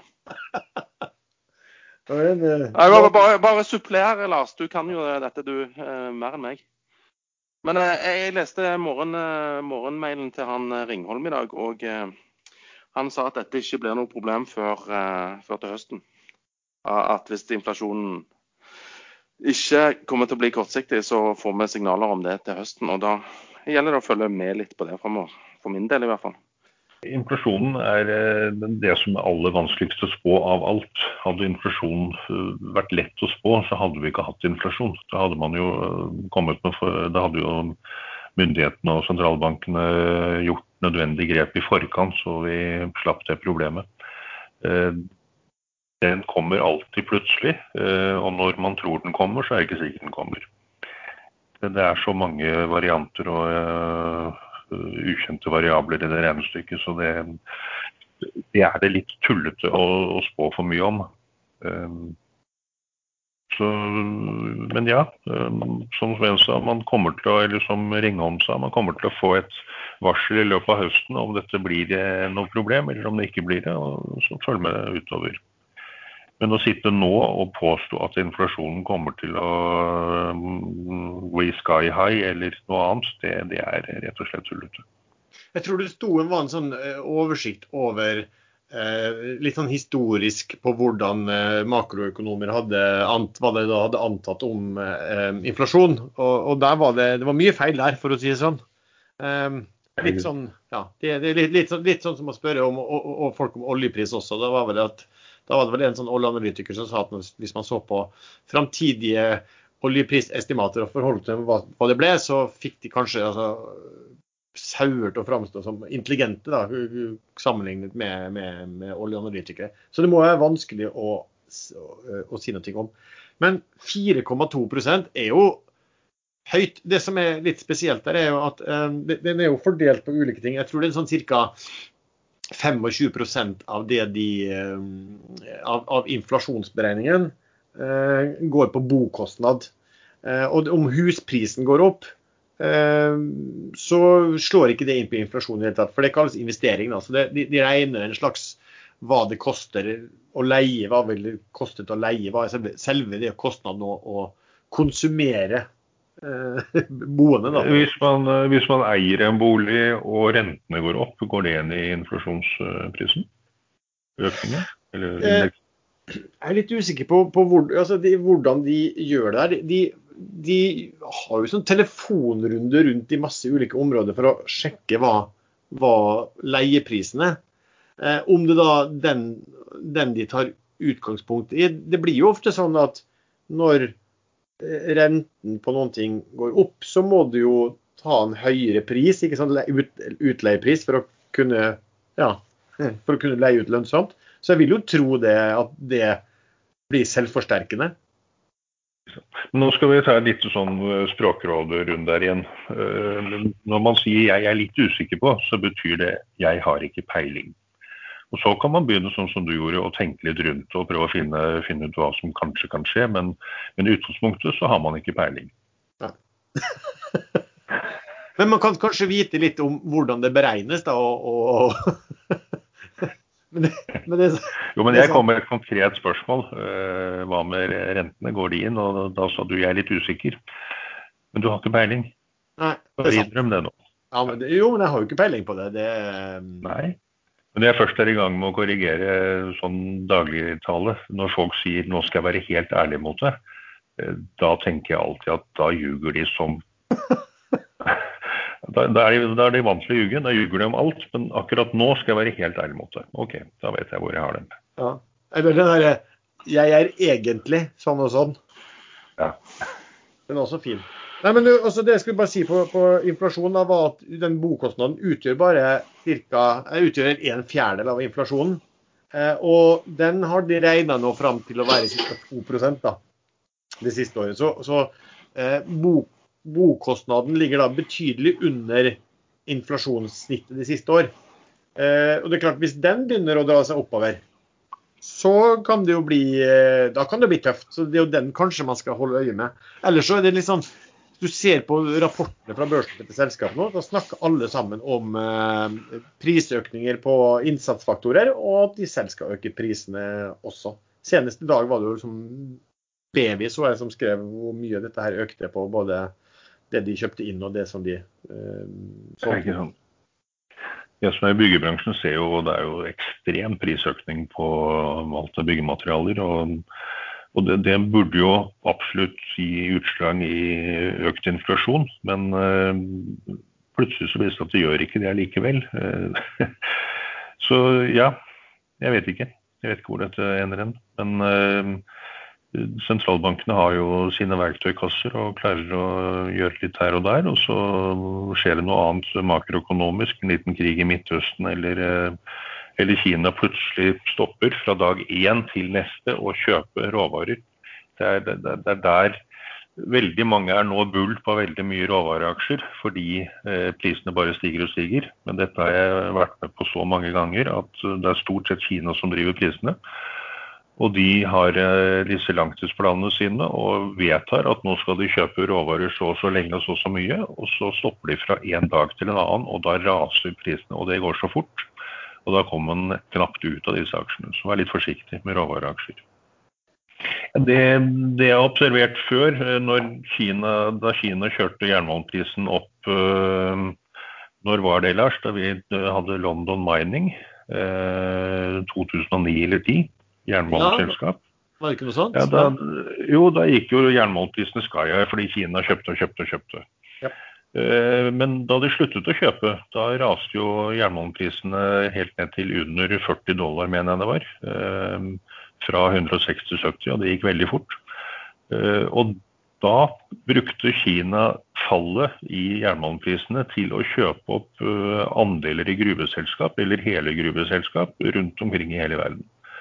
Det er sånn Kina holder på. De lager et kunstig prisnivå eh, som lokker mange nye aktører på banen. Det blir åpnet en mengde nye jernmalmgruver i, i, i eh, ressurser som egentlig ikke var eh, økonomisk forsvarlig å bygge ut, hvis man bruker snittet av jernmalmprisen over tid. Og de konka, og så kommer Kina inn og kjøper opp dette her. Så de har sikret seg veldig mange av verdens uh, råvareressurser gjennom dette spillet med å drive prisene opp, og så la de droppe ned til ingenting. Ja. Men det som er altså på uh, det Sven sier om, om, om, Fed, altså sentralbanken, da, de har jo endra litt uh, innretning. For før så, Nå skal de se mye mer på, på sysselsetting, og så sier de at nå skal de se på inflasjonen over tid. Altså For dem så er det ikke så nøye. Så, så de har faktisk sagt også at nei, vi har hatt et mål om at inflasjonen skal ligge rundt 2% men vi har ligget lavere i en god periode. Derfor kan vi tolerere at det ligger godt høyere i en periode. Eh, og så sier de selvfølgelig også at, at det her er litt midlertidig, fordi at etter covid så har du fått litt sånn stress i, i eh, ja, på, på, på, leverandørsiden, som gjør at det kan være brist på en del ting. Og da går eh, prisen, prisen opp også. Eh, så, også fraktsiden så så både de landene som produserer, har slitt litt med produksjonen pga. covid. Og, og skipstrafikken har vel slitt litt med covid. Eh, kanskje havner har gjort det også. Så alle ledd har hatt problemer, og da går prisene sky her. Nå må jo Fed si dette her, da, men det, det er nok det som da eh, Ringholm også påpeker. hvor lenge kan, altså Hvis det er slik, så må dette her begynne å falle tilbake de inflasjonstallene, eh, så må jo de begynne å falle tilbake etter hvert. Og hvis det ikke er slik, altså hvis det her er liksom vedvarende inflasjon, og kanskje til og med øker utover også, så har jo Fed selvfølgelig et eh, problem. Eh, jeg så jo bare sånn Femårsrenten i USA statsobligasjon er 0,8% per år. Eh, inflasjonen 4 ikke sant? Du må, du må, du må ha liksom renten i, i, i, fem år på statsobligasjoner for å, for å, få tilbake det samme som inflasjonen er på ett år. Eh, det, er helt, det er jo helt merkelig. Hvis det ville fortsette sånn over tid, selvfølgelig. Eh, men det får vi se på. Men det var jo et av Feds smarteste trekk som vel ingen sentralbanker har gjort før. Det var jo å si rett ut at man skulle, skulle, ikke bry seg om hvordan inflasjonen gikk på kort sikt. Den kunne gjerne gå langt over inflasjonsmålet så lenge den på lang sikt holdt seg snitt rundt det. Der har vel andre sentralbanker altfor tidlig både devaluert og gjort uh, tunge grep for å, for å endre på småting underveis. Nå bråker det veldig mye fra Hans venn her. Er det ute med robotklipperen din? og leke med den? Nei, nå er jeg på plass på kontoret igjen. Men uh, han hadde satt seg fast i en bakke, da. Så jeg måtte hjelpe han på, på utpå igjen. Ja. Har du kjøpt en sånn billigmodell, da? Jeg skulle spare 2000, vet du. Altså, jeg gikk for den med ja. 25 graders helning istedenfor 35. Sånn er det når man sparer. Ja. Men Sven, er du klar over at med sånne robotklippere så kutter du ned alle små sånne blomster som eh, våre insekter er helt avhengig av? Eh, dette har faktisk blitt et stort problem eh, med robotklippere. Ja, eller jeg er klar over at han, han dreper i hvert fall mose og sånn. Så det er jeg veldig fornøyd, håper jeg blir fornøyd med. For vi har en del mose og løvetann, og det, det liker ikke jeg. Så eh, alt for en fin plen, liksom. Mose er godt å gå på, og løvetann er pent å se på. Nei. Da jeg var liten, gikk vi rundt i hagen med en sånn giftsprøyte eh, og drepte løvetann. Og den drepte løvetannen, det er riktig det. Men uh, giftnivået i hagen etter noen år, det lurer jeg på hvor høyt var. Du kan forklare en del det, at du uh, holdt på med det? Mye, kanskje? Ja, og dessuten hadde jeg jo uh, de russiske atomprøvesprengningene i atmosfæren. De ramlet jo rett ned på hodet mitt da jeg var liten. så men Lars var kanskje, han var nok et område som fikk veldig mye nedfall. Dere var flinke på inflasjonen. Jeg ble, ble forklart på en fin, uh, fin, måte. Jeg hadde headset på mens jeg holdt på. Så jeg er veldig fornøyd med dere nå. Takk. Det betyr mye for oss, venn. Da...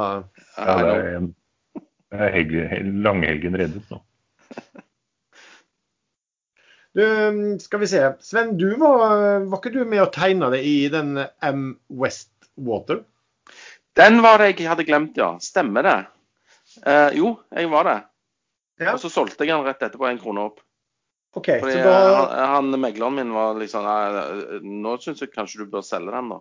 Sa han og tok 1% i eh, kommisjon. For du vet at vi eh, Ekstrainvestor har jo sånne sendinger for, vi har sendinger for børsnoterte selskap. I uken som gikk så hadde vi for Nortel og for Clean Seas Seafood. Så neste uke, på torsdag 27. mai klokken 11, så kommer CEO Stein Giljarhus og CTO Atle Mundheim, som skal presentere M Westwater. Og Da skal de svare på spørsmål stilt via moderator Andreas Strand fra Fearnley Securities. Uh, ja, Water det er et miljøteknologisk selskap som har utviklet unike produkter og løsninger for både industriell og kommunal vannrensing. De forventes bli tatt opp til handel på Euronext Growth på dagen etterpå eh, vi hadde sending, altså neste fredag 28. mai. Eh, de gjorde da en pre-IPO-rettet emisjon på 100 millioner kroner til kurs 12,50. Så da prisen av selskapet til 350 millioner. Så hvis du vil at at det skal bli stilt spørsmål til uh, selskapet på sendingen, så send det gjerne til info.ekstrainvestor.com. Uh, sendingen kommer til å gå live på Ekstrainvestor sin Facebook-side og på inturate.com. Hvor mye koster det å være med på den uh, sendingen der? Oi. Det er gratis, Sven. Det er gratis for glade investorer som deg. Ja, takk. Takk for det. Så må vi kjøpe en ny sånn robotgressklipper som tåler en bakke eller to. Men uh, fint, det. Uh, det er god trening da, Sven, å gjete gressklipperen opp uh, bakken. Ja, jeg får mer trim nå enn når, når jeg klipper plenen, vet du. For nå må jeg ut hver dag og, og løsne den fra, fra bakken. Springe etter den. Jeg kan liksom se det for meg, Sven. Du springer opp og ned bakker etter den roboten og hyler og skriker. Altså, bare Blodtrykket blir bare høyere og høyere. vet du. Satans opplegg. Men uh, nei uh, Du sparte 2000, da. Så det, det kan du bruke til god mat og drikke. Ja, det er sant, det. Uh, nei, hvor, hvor var vi henne? Du skulle spørre om noe, Lars? Nei, nå eh, har vi kommet dit at eh, jeg tenkte vi kunne se bare litt på hva vi har fått inn av, eh, av spørsmål fra lyttere. en av dem skrev litt morsom. Kan vi, om noen av dere kan gjøre en utpedagogisk, psykologisk vurdering av Elon Musk. Men du, er, nei, Erlend, du er jo så pålest på alt. Du kan vel gjøre en, en upedagogisk, psykologisk vurdering av han? Har du lest boka til han Musk, sånn som han Rosén hadde? Jeg? Nei, jeg har ikke det. Men jeg ble jo ikke veldig overrasket da han uh, sto fram på Late Saturday Night Late eller et eller annet og fortalte at han, uh, at han er autistisk. At han har uh, hva, heter den sykdommen? Asperger heter han. Asperger, Asperger Ja. Det er jo en sånn lett autistisk forskjellige varianter. Så, men at mannen er hyperintelligent, er det jo ikke noe tvil om. Han hadde vel tre-fire doktorgrader før han var et par og tjue år på forskjellige områder. Uh, og han har jo fått til enormt, og han har jo egenhendig drevet fram elbilrevolusjonen i verden, uh, som nå aksepteres av alle store bilfabrikanter. Pluss SpaceX, og slått knockout på Boeing og McDonald Douglas et eller annet, og andre på avtaler med NASA. Så at mannen er eh, smart og dyktig, det er ikke noen tvil om. Og så er han klin gæren på andre områder. Og det henger jo ofte litt sammen, at de tenker litt annerledes. Men at han driver og pusher denne dutch-køyen, det, det, har jeg ennå ikke skjønt. Men du skrev jo, Lars, etter å ha googlet, googlet litt, at den faktisk ikke er noe verre eller bedre enn mye annen krypto. Jeg har alltid trodd det var ren svindel og bare litt ment som en fleip av de som laget den. Men eh, det er den som har steget mest av alle, tror jeg. Mm. Um, fikk et spørsmål om Hødli. der det har vært et kursfall, eh, Sven. Den vet jeg du har kjent i hvert fall til litt tidligere? Jeg har fulgt med litt på den ja, fra han ble notert på OTC og meldte om vanvittig salgsvekst og avtaler med de store teknologiselskapene i USA og alt dette her. Og aksjekursen gikk eh, masse opp, og så nå har han falt litt tilbake fordi at de i Q1-tallene sine viste at eh, veksten ble litt lavere enn ventet. Og for et vekstselskap så er det verre enn verst at veksten eh, går ned. Det så, samme så du i Kahoot for øvrig, der de nå er blitt nødt til å kjøpe seg vekst. Så Derfor har han falt litt tilbake, Hudley altså. Og vi får se om de returnerer til vekstbanen som de opprinnelig hadde planlagt å følge. Så jeg kan ikke så veldig mye mer om selskapet. Jeg vet bare at de har en løsning for eh, Altså en kameraløsning for eh, telekonferanser og slike ting. Som er veldig er bra, sier de som kan det. Hva, det de, hva var de kjørte emisjonen på? Det husker jeg ikke. Men jeg lurer på om det var 16,5 eller noe sånt. Hudley? Hudley, ja. Er det Huddlestock? Nei. nei, nei. Dette er kamera, kameraløsning, ikke fintech. Jeg har mistet helt kontrollen på alle disse nye selskapene. Fullstendig. Ja. Nei, så Det er en veksthistorie. Så vi får se om uh, historien får en lykkelig slutt, eller om, uh, om det blir et mareritt. Hva er det som driver uh, børsen opp? Nå er den opp 1,5 Hva er det som har skjedd i dag? Ser ikke noe annet enn oljeprisen som faktisk stiger. Altså han slutta å falle. Den eh, falt. Opp en prosent. Slutta å falle. For det falt jo ganske mye. Den var jo på 70 igjen, og nå er den på 65,65. 65. Ja. Ja, nei, jeg ser ikke noe annet enn det. Men eh, Oslo Børs er sterk i forhold til f.eks. For DAX, som kunne opp en kvart prosent. Så er Oslo opp en, nesten 1,5 prosent. Så jeg tipper det er olje som er den forklarende faktoren. Av de store så er det Equinor, eh, Movi, Yara og Nell som er opp. Jeg tror ikke Nell veier så tungt i indeksen. DNB er òg bra opp. Ja, eh, skal vi se, vi har fått et spørsmål til her som eh, går på eh, ja, Erlend, du kan jo litt om Bergen Bio. Det kommer noen nyhet der, og den har vel falt en del perioder. Hva, hva som har skjedd der? Nei, det, det, har vært veldig mye fokus på covid, medisin mot covid i Bergen Bio. Det er jo opprinnelig et selskap som skal lage kreftmedisin. Uh, men det er vel to ting. Uh, Covid-sporet vil jeg tro begynner vel egentlig å dø litt ut. De kom med en melding nå om at resultatene ser for så vidt bra ut, men de er ikke statistisk eh, signifikante. Eh, så de må inn i en fase tre-studie, og den skal de kanskje begynne med i kvartal tre. Og når et selskap eh, begynner å gå ut offentlig med at de kanskje skal begynne med noe en god stund senere, da, da oppfatter jeg det som at de egentlig er på vei til å legge det sporet dødt. Jeg kan selvfølgelig ta feil, men sånn som sånn som den ble hauset opp eh, for akkurat et år siden, eh, hvor, eh, hvor CEO Godfrey et eller annet skulle sa at med 80% sikkerhet så kommer de til å ha en medisinmarked i løpet av et par måneder, til nå et år etterpå å si at de kanskje skal gå videre med dette her i løpet av høsten. Det, det er jo ikke akkurat sånn markedet liker. Og hvis da BM79 ikke er så bra mot covid som de håpet på, da tenker jeg, uten at det nødvendigvis er riktig, at kanskje det ikke heller er så bra mot kreft som de håpet på. Og Selskapet har jo annonsert at vi skal gå over i fase tre-studier, sannsynligvis med partnere i ett eller to kreftstudier nå i løpet av første halvår. Men jeg mener at de sa i fjor at de regnet med å få det til i løpet av første kvartal. Nå er vi langt inn i andre kvartal. Så ting tar tid, og da faller kursen. Og da begynner markedet å se på cash burn, og de hentet jo inn veldig mye penger nettopp pga. covid-medisinmuligheten i fjor. Men pengene spises fort i sånne selskap. Og hvis markedet nå begynner å se mer på hva de har i kassen enn Det er fremdeles mye, så det er ikke noe krise ennå.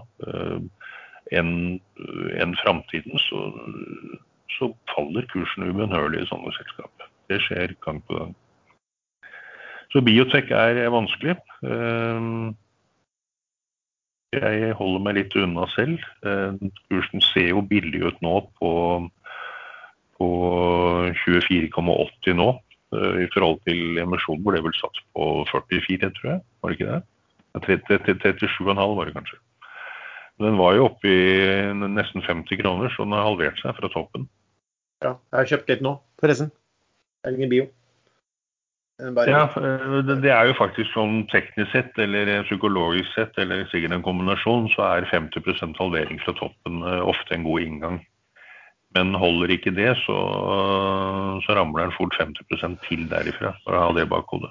Ikke sant. Det blir sånn, alltid farlig å, å, å fange en fallende kniv. og hvis, altså, Det har jeg lært liksom av litt smertelig erfaring også, at det kan være artig å fange en fallende kniv, og du kan synes sånn og sånn.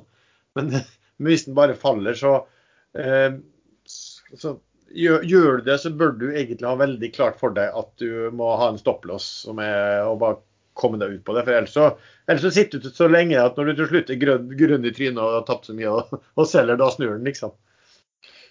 Du, eh, jeg kunne bare nevne også på biotek, så har vi snakket litt om den Arctic i Bioscience. Nå har den kommet sånn, ja, litt opp igjen. Ehm, de meldte at de hadde, de hadde da, som jeg snakket om, at de skal ha en ny legemiddelsatsing, og det var på eh, for tidlig fødte barn. Ehm, der dette produktet deres skulle testes mot altså Hjernen, hjernen eh, utvikles jo litt eh, ja, for sent, det på sånne, og, og da ja, skulle de ha et produkt på det. Der de skulle søke om det som heter Orphan Designation. Um, som egentlig betyr at uh, hvis det er godtatt av legemyndighetene, så er det mye kortere og mindre kostnadskrevende eh, enn et, eh, en et, normalt løp. Og der har, de, der har, de, fått med seg en partner eh, med en gang eh, på der også. Men liksom, hva, hva tidshorisonten der, og hva kostnader og sånn, hva, hva, hva, det innebærer, det er vanskelig. Jeg har forstått på det at de skal ha noen møter med legemiddelmyndigheter uh, i uh, slutten av denne måneden eller nær framtid, så da vet man kanskje litt mer der. Um, skal vi se. Kort, kort et annet legemiddelselskap. Jeg, jeg, jeg, har den ikke selv, for der har jeg tenkt som Sven helt siden kursen var på 25 kroner, i hvert fall den gikk opp til 40, at nå er den for dyr. Men det er Fotokur. Nå ligger den på 137,50. 136,70. Uh, og den går bare opp opp, og de kommer vel ved veldig gode tall nå. og de det er litt annet bioteknologiselskap, for de har produkt ute i markedet. Og de utvider stadig både i Europa og Asia og, og har gode marginer. Så skal man ha et biotekselskap i porteføljen, så tror jeg det er noe man kan kjøpe der, selv om det nå ligger på all time high. Det er jo et selskap fall, du, kan, du kan regne på, for det er jo problemet i hvert fall for, for min del som ikke altså, eller, Og det gjelder jo de fleste som ikke kan biotek-legemiddel. så det er jo liksom når du er i sånn og sånn fase, hva, hva, hva kan dette være verdt? Det er forferdelig vanskelig. Fotokura har jo hatt over lang tid inntekter og voksne inntekter. Så der kan du jo sitte og regne på ja, inntjening og på inntjening kontra hvordan, hvordan veksttakten er og litt sånne saker også. Som gjør det litt mer tilgjengelig for, for alle å vurdere. Ikke sant. I motsetning til eh, Nordic Nanovektor og PCIB, som begge eh, går sky high og faller ned til nesten ingenting. Rett som det er. Men slår disse andre selskapene til, som ennå ikke produserer, så er jo potensialet øh, høyere enn i de selskapene som allerede har bevist og leverer og produserer og øker omsetningen. Ja. Det vel egentlig litt feil, for Fotokur kan vel sikkert øh, gå tigangeren herifra hvis de får til alt de håper på, og får det markedet de regner med. Men øh, ja, ikke gå all in i en enkel biotech-aksje, uansett hvor stor tro man har på det selskapet, for det kan feile. Eller det kommer konkurrenter. Spørsmålet her er eh, ja, om, man, om man har noe Sven, har du noen strategi for eh, sommerferie? Hvordan du forholder deg til markedet da? Hva du gjør? Å ja, sånn ja. Nei, eh, nå er jeg en av de heldige da, som ser ut til å bli vaksinert, fullvaksinert før sommeren. Så eh, eh, strategien er da å bare sette seg på første fly og, og fly av gårde.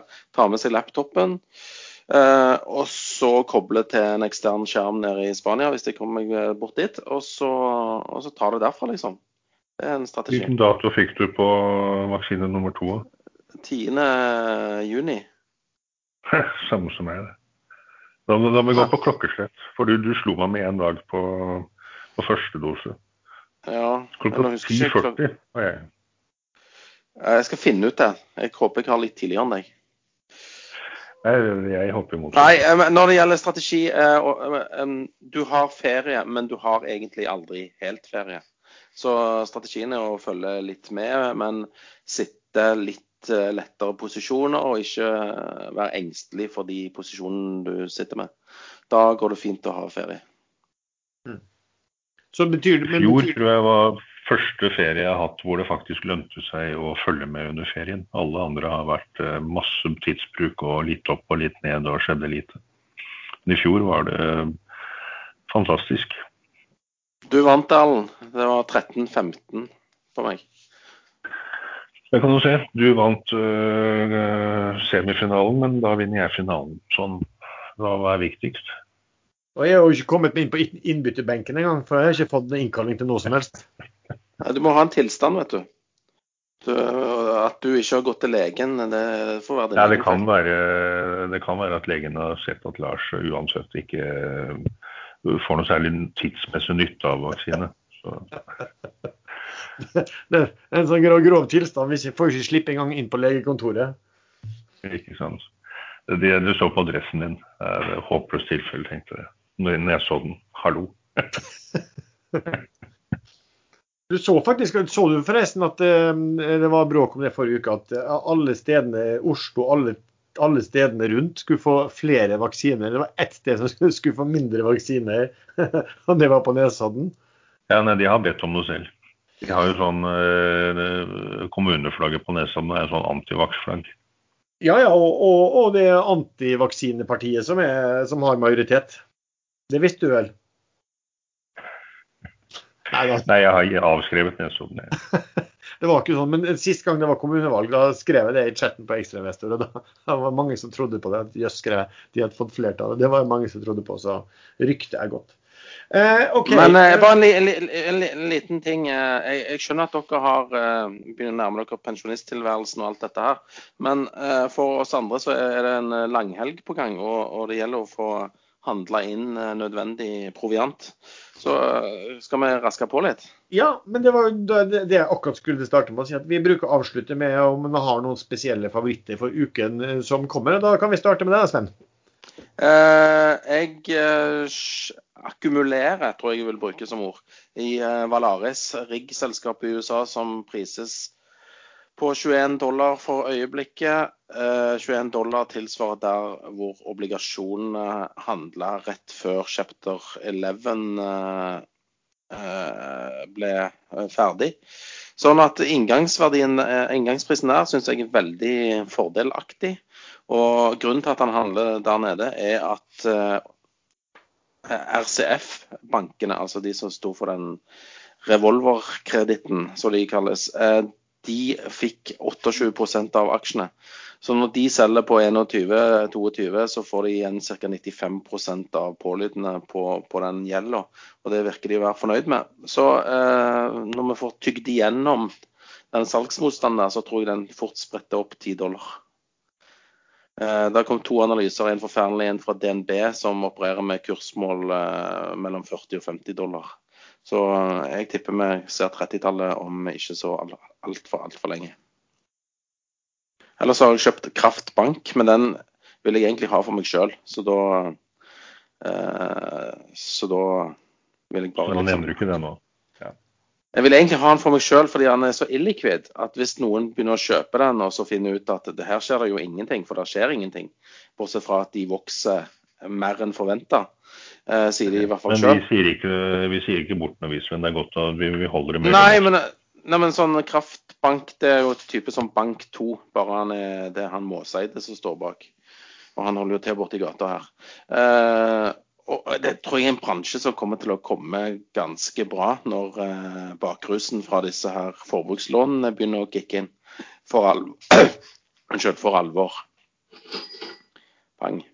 Eh, så den Men det er ikke vits, altså. Det er bare å sitte og vente og få aksjer liksom når folk selger. For det skjer veldig lite med aksjekursen. Erlend, favoritter? Ja, jeg har jo da tatt en del eh, soff på meldingen om, eh, om, om, om enighet med Saipem om eh, betalingen av ca. 400 millioner kroner. Men selskapet er jo ikke reddet ennå. De må få en god avtale på Maximus. Men jeg vil tro sannsynligheten for det økte ganske kraftig med gårsdagens nyhet.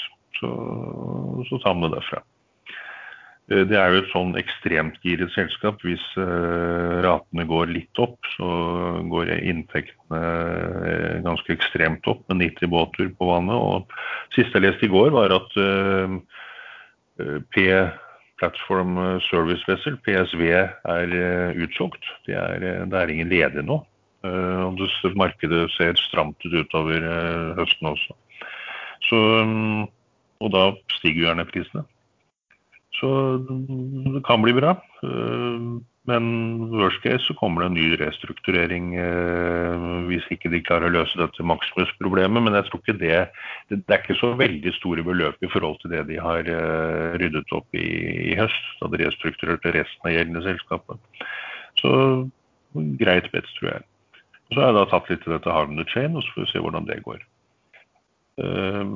Nordic Mining har jeg fremdeles litt, det er redusert en del. Uh, de er avhengig av myndighetsgodkjennelse, siste, uh, siste innsigelser på klager til, uh, til et eller annet rundt oppstarten.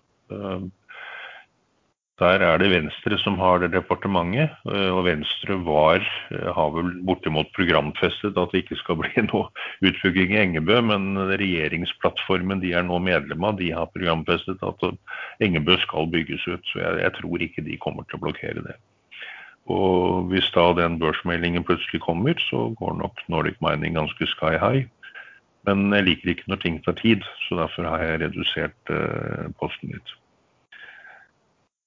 Ja. Ja, Ellers så er ikke jeg avhengig av å handle noe som helst. Jeg skal på eh, guttetur eh, med sovepose på en øde øy i Oslofjorden eh, hele langhelgen. Og en av de andre har handlet inn alt, både mat og drikke, så jeg bare trenger å sette meg i en bil. Mm. Så sånn sett er det litt travelt sammen for å komme ut til Oslo for den verste rushen. Og det begynner blir jo godt. Håper dere har, øh, håper dere har egne soveposer. Uh, Ja.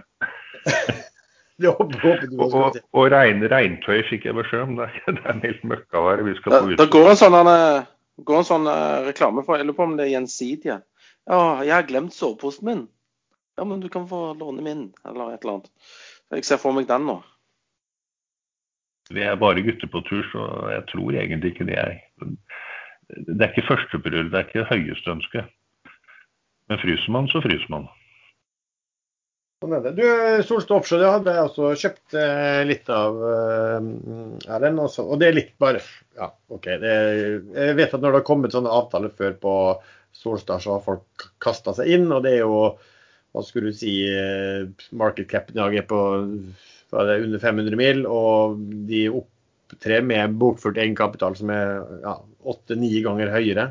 Men vi vet jo alle hva de anslagene ofte er verdt for den type um, selskap. Men det klart var unektelig god nyhet at de var, kunne vært pressa til å det kan du i fortsatt, til å måtte kjøpe en båt tilbake en eller kjøpe, kjøpe, en båt, legge ut penger for en båt og betale långivere. Og nå fikk de da avtale at de fikk tilbake mye penger fra en tidligere kunde, som, som gjør at sjansen for det er mye veldig annerledes. Men jeg har ikke noe anelse om hva det selskapet skal være verdt. og det er fort sånn. Går det feil vei, så er den fort ute.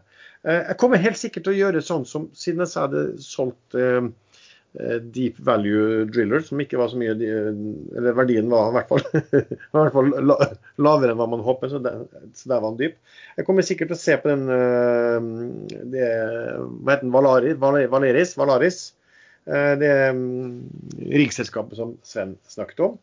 Eh, jeg har kjøpt litt Goodtech med men nå er det litt stund siden. Merkelig nok så går den faktisk en del opp i dag, opp 9 i dag. Det er sikkert fordi vi snakket om at den var så drittkjedelig. Argeo har jeg fortsatt å plukke av. Den er nede på emisjonskurs som knapt nok er over nettcash. Jeg syns selve det oppsettet der ser, ser bra ut. Eh, ja, det er de fjern, fjernstyrte eh, farkostene under vann? Ja. Sånn Nordic Unmanned, bare Ins under vann? Ja, inspeksjon. Og de er jo egentlig Eller i vann. Ja, og de er egentlig ikke priser til. De har jo faktisk fått inn ordre og sånn, og det er jo ikke priser nevneverdig mer enn hva de henta inn i cash i den eh, eh, emisjonen. Så tror man at det der blir et eh, bra område, eh, og det virker å være flinke folk bak, så kan det der bli ordentlig fin. Men akkurat nå så er det, det er laber interesse for det. Eh, som i og for seg gjør at man kan kanskje, kanskje, forhåpentligvis kjøpe det som er billig. Eh, ellers så nevnte jeg vel at jeg hadde kjøpt eh, Ocean Teep. Eh, og det var fordi at den Det jo, kom jo en smell i forrige uke som gjorde at den ble handla langt ned på 290-tallet.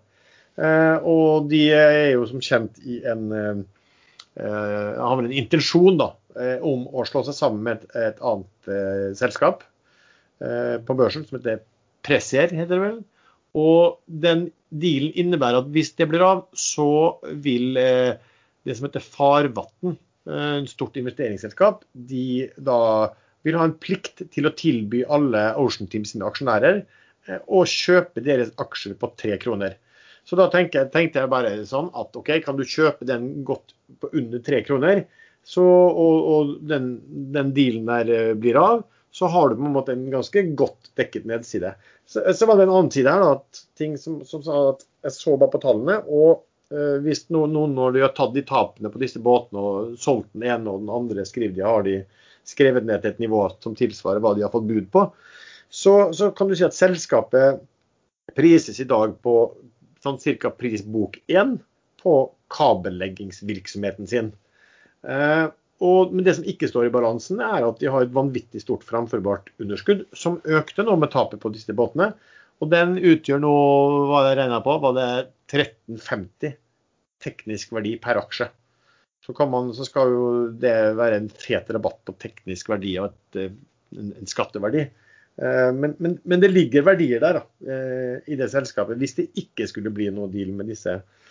Da tror jeg helt sikkert andre aktører vil være veldig interessert i å gjøre noe med dem som, som et børsinstrument. Press, presser, det er han Odd Fjell, det? Jo Odd Fjell?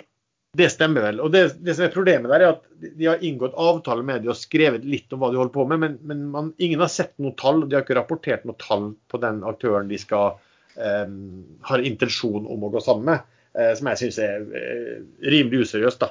Eh, men, men, så lenge da du hvis den blir av, at da har du også en salgsopsjon. Ja, du har en gratis putteopsjon på tre kroner. Ja, det var, jeg dro jo fram den sjøl for noen uker siden. så... Ja. Og jeg stakk den jo 350, og da følte jeg at uh, kursen hadde gått litt uh, vel mye. Ja, ikke sant. Så, så det, og det, så det jeg føler liksom, det er litt sånn low risk bet. Og så, og så må, må, du vurdere risken for at den bilen ikke blir av. Og da tenkte jeg når jeg så hvor stort det framførbare underskuddet og hvordan man priser dagens altså kabelvirksomheten, så syns jeg det så uh, isolert sett uh, veldig billig ut uansett. Så, men det blir fort sånn hva skal du si, rentenistinvestering. At du, du drar forhåpentligvis noen pene prosenter på ganske lav uh, risiko. Så får man se hva som skjer. Så, så, jeg vil ikke si at akkurat det er noen jeg nevner det, jeg vil ikke si at det, det, er noe som jeg forventer skal skje noe som helst neste uke. Det blir sikkert liggende rimelig. Det er ikke sånn vekstcase? Nei, det er jo ikke det. ikke sant? Men hvis dette er under tre, i hvert fall, så, så er jeg nok veldig ivrig der på, på å plukke aksjer. Og syns kanskje at den bør ligge eh, en del over det. Men eh, vi får se. Ja vel. Er det noe sånn spesielt og eh, dere har lyst til å tillegge før vi, før vi tar eh, langhelg? Kanskje si god langhelg. Ja, og hils alle pinsevennene dine. ja. Eh, det er vel en del som må google litt for å finne ut hvorfor vi feirer pinse. Det er fordi det er 40 dager etter påske, skjønte jeg. Men jeg vet ikke hvorfor. Det er visst en regel ja, på at det er pinse 40 dager etter påske. Ja, det er kanskje hvordan, det. Eh, hvordan vet man når påsken er? Ja? Nei, det vet man ikke før man eh, får kalenderen til jul. Ja, det har noe med fullmåne å gjøre. Aha, jeg trodde det var Det, det er litt merkelig at, at eh, han, den religiøse karakteren Jesus da At de ikke klarer å fastslå den datoen han liksom ble hengt på korset og gjenoppsto. At det liksom er forskjellig fra år til år. Det er merkelig, syns jeg. Jo, men det var jo den gregorianske kalenderen. Den løste problemet med at årstiden ikke stemte etter hvert. Så det, det henger ja. nok sammen. Nei, fordi at ja, vi vet han døde på en fredag, og at han gjenoppsto på en søndag. Men om det var i april eller mars eller noe, det vet vi ikke. Men da har vi, da har vi jo litt å spekulere på, da, gjennom pinsen, Har vi noe å snakke om i pinsen? Hvorfor, eh, vet dere hva pinse heter på, på, på engelsk, da? Nei, faktisk ikke. Vet du det? Nei, jeg blander med himmelspretten jeg nå, for det er Ascension Day. Så nå, nå jeg vet ikke, jeg heller. Nei. Da, da, kan vi jo overlate til alle de som hører på, da, å slå opp selv. Det blir mest eh, spennende. Og så kan de, Hvis de har riktig svar, så kan de sende det på e-mail til Sven. Og være med i trekningen av, av en, en, en, en pent brukt pent robotklipp. Ja, jeg ser for meg denne pinsehelga. Jeg kommer til å springe etter den der jævelen. Men jeg, jeg, tror jeg må jeg tror, Han satte seg fast Han har satt seg fast to ganger nå. Samme plassen begge gangene. Så jeg tror jeg må utbedre den plassen der. Asfaltere den plassen, eh, Sven. ja. OK, da takker vi så mye for eh, dere som har lyttet til denne episoden. Vi minner om at vi har en, en Vi alle tre er stadig vekk inne på ekstravester på chatten der og diskuterer og uh, prater. og Det ligger lenke til den i beskrivelsen til denne episoden. Vi har også en kanal der inne som heter podkasten Aksjesladder. Og vi har en gruppe på Facebook som heter podkasten Aksjesladder også, som jeg tror har en ja, 5000 medlemmer der også. Og Der kan man også gå inn og eventuelt kommentere episode eller skrive spørsmål til oss. Musikken er som, laget, som vanlig laget av sjazz.com. Takk igjen for at du lyttet. God pinse, og så høres vi snart igjen.